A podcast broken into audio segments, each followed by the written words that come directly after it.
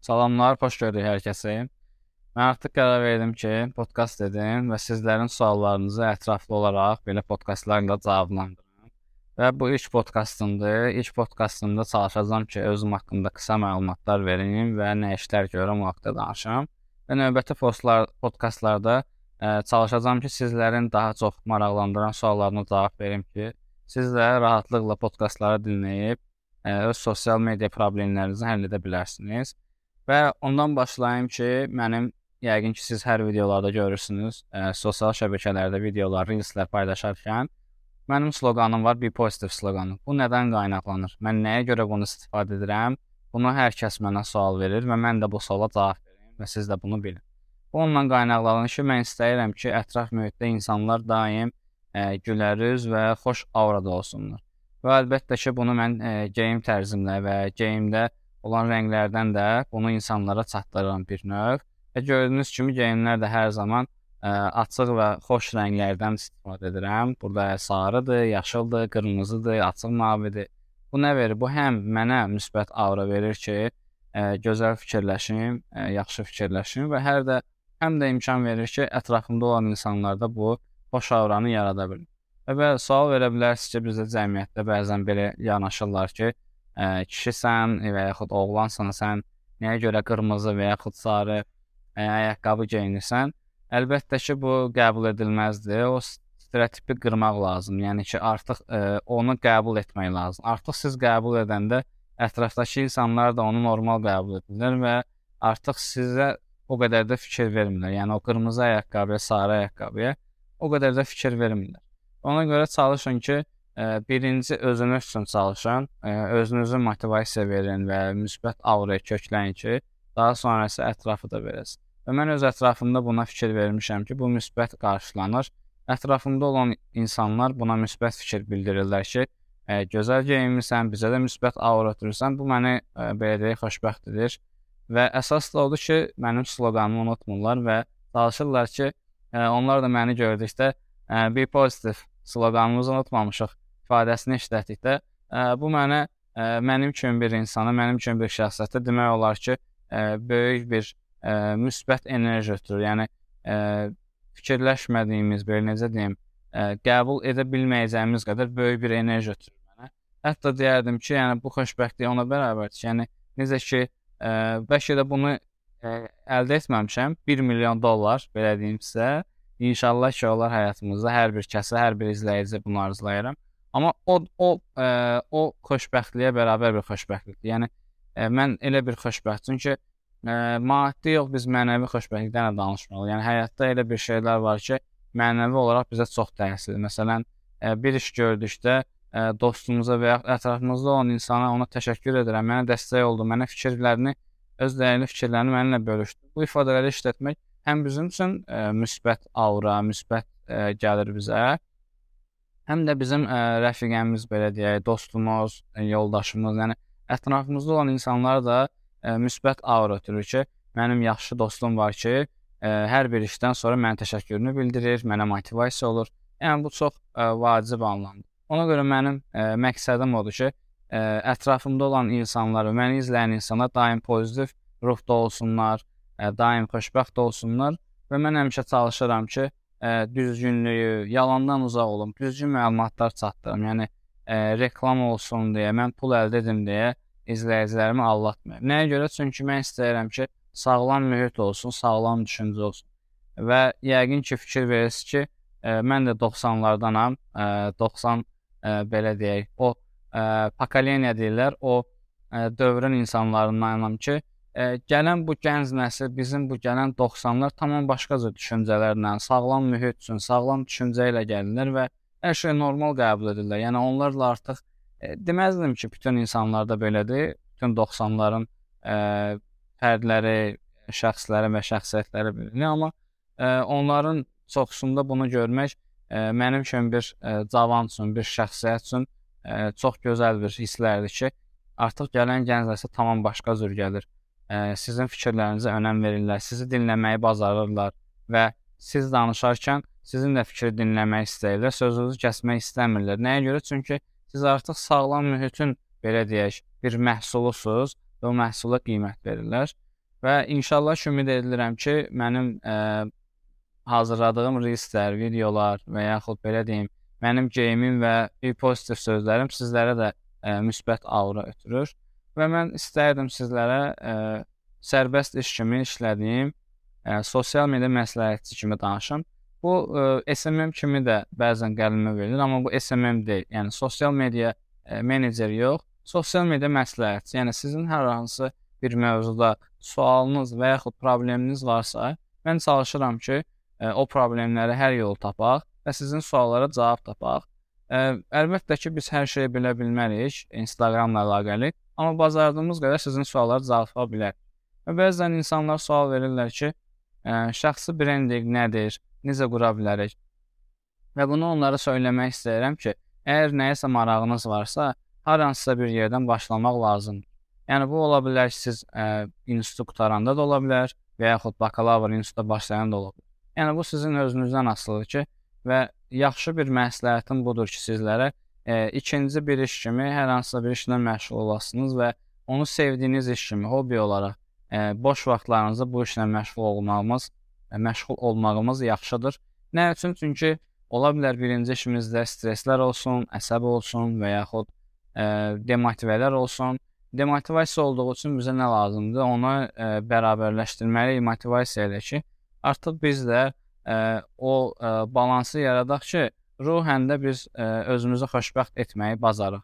Ona görə də məsələn deyirəm, hər hansı bir işlə məşğulsunuzsa, sizin maraqlı olduğunuz bir sahə var, mütləq ki var. Yəni hər bir insanın içində ikinci bir mütləq bir sahə var ki, ona maraqlıdır. Məsələn, mən bu ə, sosial mediada məşğul olsam da, ə, hər növ mənim içimdə ə, fotosessiyaya, ə, fotoqraflığa bir həvəs olub. Professional şəkildə olmasa da, ə, bunu olaraq ə, freelance, yəni sərbəst iş kimi etmək istəyirəm ki, yəni, kimsə istəsə çalışım, ə, bacardığım artığını edim ki, onun üçün yaxşı bir şəkil çəkim və məsələn sizdə də bu ola bilər. Əgər bu varsa, burada nə etmək lazım? Burada artıq müəyyən qədər ə, gəlirinizdən az-az da olsa ə, yatırım etmək lazımdır. Nələrsə öyrənmək lazımdır, nələrsə araşdırmaq lazımdır.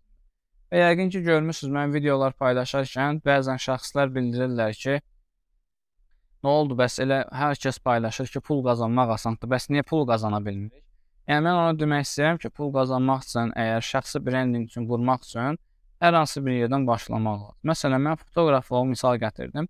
Ola bilər ki, mən araşdıra bilərəm. Mən ə, digər fotoqrafların belə deyək, kurslarına yazıla bilərəm, öyrənə bilərəm və yaxud YouTube və digər sosial şəbəkələrdən videolara baxa bilərəm ki, məsələn, istifadə etdiyim telefondan mən necə daha yaxşı ə, şəkillər və videolar çəkə bilərəm, bunu öyrənmək lazımdır ilk. Daha sonra öyrəndikdən sonra ə, mənim belə deyək, ə, mövzuma uyğun bir ə, sosial şəbəkəni seçməliyəm. YouTube-dur, Instagram-dır, TikTok-dur. Bunu artıq seçdikdən sonra mən artıq başlayıram paylaşımlar etməyə. Və burada paylaşım edəndə mən fikir verməliyəm ki, ə, e, mövzular maraqlı olsun. Yəni insanlar daim ə, e, bu mövzuları axtarsınlar ki, və onlar lazımi məlumatları mənim səhifəmdə tapa bilsinlər və əlbəttə ki, səhifədə nə olmalıdır? Ə, e, fərqlilik olmalıdır. Necə ki, mən öz səhifəmdə o fərqliliyi yaratmışam və izləyicilərim də mənim sloqanımı istifadə edirlər ki, ə, biz sizin videolara baxanda və sizi görəndə bir pozitiv sloqanımız elə düşür bu fərqindəliyi yaratmaq lazım. Yəni insanlar artıq sizin profilə daxil olanda artıq desinlər ki, aha, bu şəxs ə, e, həmin o şəxsdir. Yəni ki, ə, e, fərqli olan şəxsdir. Fotoqraflar içində fərqlidir, səmimidir, tez geri dönüş edir. Hər hansı bir sualımız olanda o sualı ə, e, cavablandırmağı bacarır və bizi belə deyək, ə, xoşbəxt edir və müsbət auranı bizə ötürməyi bacarır. Ona görə siz də ə, pes etməyin. Hər hansı bir hər hansısa bir yerdən başlamağa ə, özünüzə bir məqsəd qoyun ki, mən artıq sabahdan başlayacağam. Və bunu bəlkə siz real həyatda da görmüsünüz ki, artıq sabahdan dietə başlayacağam, artıq sabahdan idmana başlayacağam, ancaq ə, insan neynir öz iradəsinə qalib gələ bilmir. Ə, nəfsləri onu sıxır ki, yox, istədiyini ye ginən, bir günlük dünyadır gəlmisən, istədiyin kimi yaşa, istədiyin kimi ye, iç. Amma bu belə deyil. Yəni biz özümüz üçün ə, bir ə, belə deyək, qaydalar ə, yazmalıyıq o qaydalar çərçivəsində yaşamaq məncə daha yaxşıdır. Onlar bəzən məsələn ə, diyet arasınızsa onlar cips yeyə bilərsiniz ayda bir dəfə, iki ayda bir dəfə, amma ə, davamlı olaraq bunu yemək nədir? Bizim sağlamlığımız üçün ziyandısa, ondan uzaqlaşmaq. Ona görə bu iş də elədir. Yəni əgər bu şəxsi brendinqi biz qurmaq istəyiriksə, biz ilk öncə qarşımıza məqsəd qoymalıyıq ki, mən fotoqraf olacağam. Bu məqsədə biz artıq başlayandan sonra isə artıq kurslar öyrənəcəyik və araşdırmalar edəcəyik və biz sosial şəbəkədə paylaşım edəndə baxacağıq ki, hansı mövzunu insanlar axtarır. Məsələn, ə, post fotosessiya necə edə bilərəm və yaxud ə, fotoqraflıq üçün ilk məbləğ hansıdır? Yəni hansı məbləğlə fotoqraflığa başlaya bilərəm? Ə, fotoqraf olmaq üçün hansı ə, brendin ə, cihazından və yaxud ə, video aparatından və fotoaparatından istifadə edə bilərəm? Yəni insanlar gündəlik olaraq nələri axtarırsa, biz onu belə deyək, ə, o mövzulardan insanlara yaxınlaşmalıyıq. Yəni on onları etdikdə artıq biz belə deyək, geri dönüşlər də görəcəyik, müsbət ə, nəticələr də görəcəyik və ə, müəyyən qədər çox izlənmələr də görəcəyik. Amma biz ə, bəzən bu biznesin ə, qanunlarından biridir ki, ola bilər ki, bəzən biz düşüşlər ola bilər. Yəni ki, biznesimiz yaxşı getməyə bilər, müştərilərimiz olmaya bilər və biz bunu nəzərdə saxlamalıyıq ki, məsələn, mən 1 ay ərzində 1000 manat pul qazandımsa fotoqraflıqdan, bunu mən 1 ay ərzində xərcləməməliyəm. Yəni bu biznes ona deyir ki, onu saxlamalıyam. Növbəti ay ola bilər ki, o 500 manat olsun. Ola bilər 100 manat olsun və yaxud ola bilər ki, heç olmasın. Yəni bu biznesin qanunudur. Ola bilər ki, çünki bizim yaşadığımız ə, belə deyə mühitdə ə, nəinki Azərbaycanda istənilən mühitdə bu belədir yəni bütün insanların ə, düşüşləri və qalxışları var. Ola bilər ki, siz bu ay yaxşı maaş ala bilərsiniz. Ola bilər növbəti ayda siz ə, əlavə iş saatları ala bilərsiniz. Amma növbəti 3-cü ayda isə ola bilər ki, siz əlavə iş saat ala bilmərsiniz və yaxud siz maaşınızdan aşağı bir pul əldə edə bilərsiniz. Ona görə biz çalışmalıyıq ki, hər zaman ə, əlimizdə olan puldan müəyyən qədər hissəsini qıraqda saxlayaq ki, ola bilər yəni bu biznesin qanunudur. Biz nə qədər desək ki, yox, belə bir şey mümkün deyil Buna real olmaq lazımdır. Yəni realistik olaraq biz həyata baxmalıyıq və bunu əlbəttə ki, həyatımıza biz tətbiq etməliyik və bütün işlərdə realistik olmağı bacarmalıyıq. Və siz müəyyən qədər pulu ə, e, saxladıqdan sonra isə artıq e, növbəti aylarda işlərinizi rahatlıqla görə biləcəksiniz. Çünki artıq sizin maddi tərəfdən problemləriniz olmayacaq. Ona görə də bunları da fikirləşməlisiniz. Yəni bu düşüşlər olanda, o düşüşlərdə biz necə ə, e, qalxmağı bacarmalıyıq, onları da biz fikirləşməliyik. Məsəl üçün bəzən müştərilər olur ki, ə, bir aylıq ə, çalışırlar, işləyirlər, yaxşı izləmə gəlir, ə, izləyicilər də artır, ə, videolarında izlənmə də artır, kəşfiyyata da düşür. Ancaq ikinci ayda olur ki, videolara izlənmə, yəni baxış sayı az gəlir və yaxud izləyiciləri artmır və biraz demotivə olur. Və mən hər zaman çalışıram ki, ə, motivasiya verim ki, yəni bu hər an ola bilər. Yəni ki, ə, adi sosial şəbəkələrdən istifadəni belə ə, insanların passiv və aktiv istifadə vaxtları var. Ola bilər ki, həftələrlə, günlərlə, aylarla hansısa bizim izləyicilərimiz sosial şəbəkədən istifadə etməsin. Yəqin ki, sizdə də həyatda olur ki, bəzən ətrafımızda olan ə, dostlarımız və yaxud özümüzdə də olur ki, bəzən özümüzə qapanırıq, yəni ki, hər hansı bir problemlərimiz olur. Biz sosial şəbəkədən lazımi qədər aktiv istifadə etmirik. Aktiv istifadə etməyəndə nə olur? Bizim artıq məsələn 1000 izləyici, 1000 izlədiyimiz şəxslər varsa, Ola bilər ki, onlardan birinin, ikisinin postunu görək, bəyənəcək yazaq, amma yerdə qalanı biz görmürük.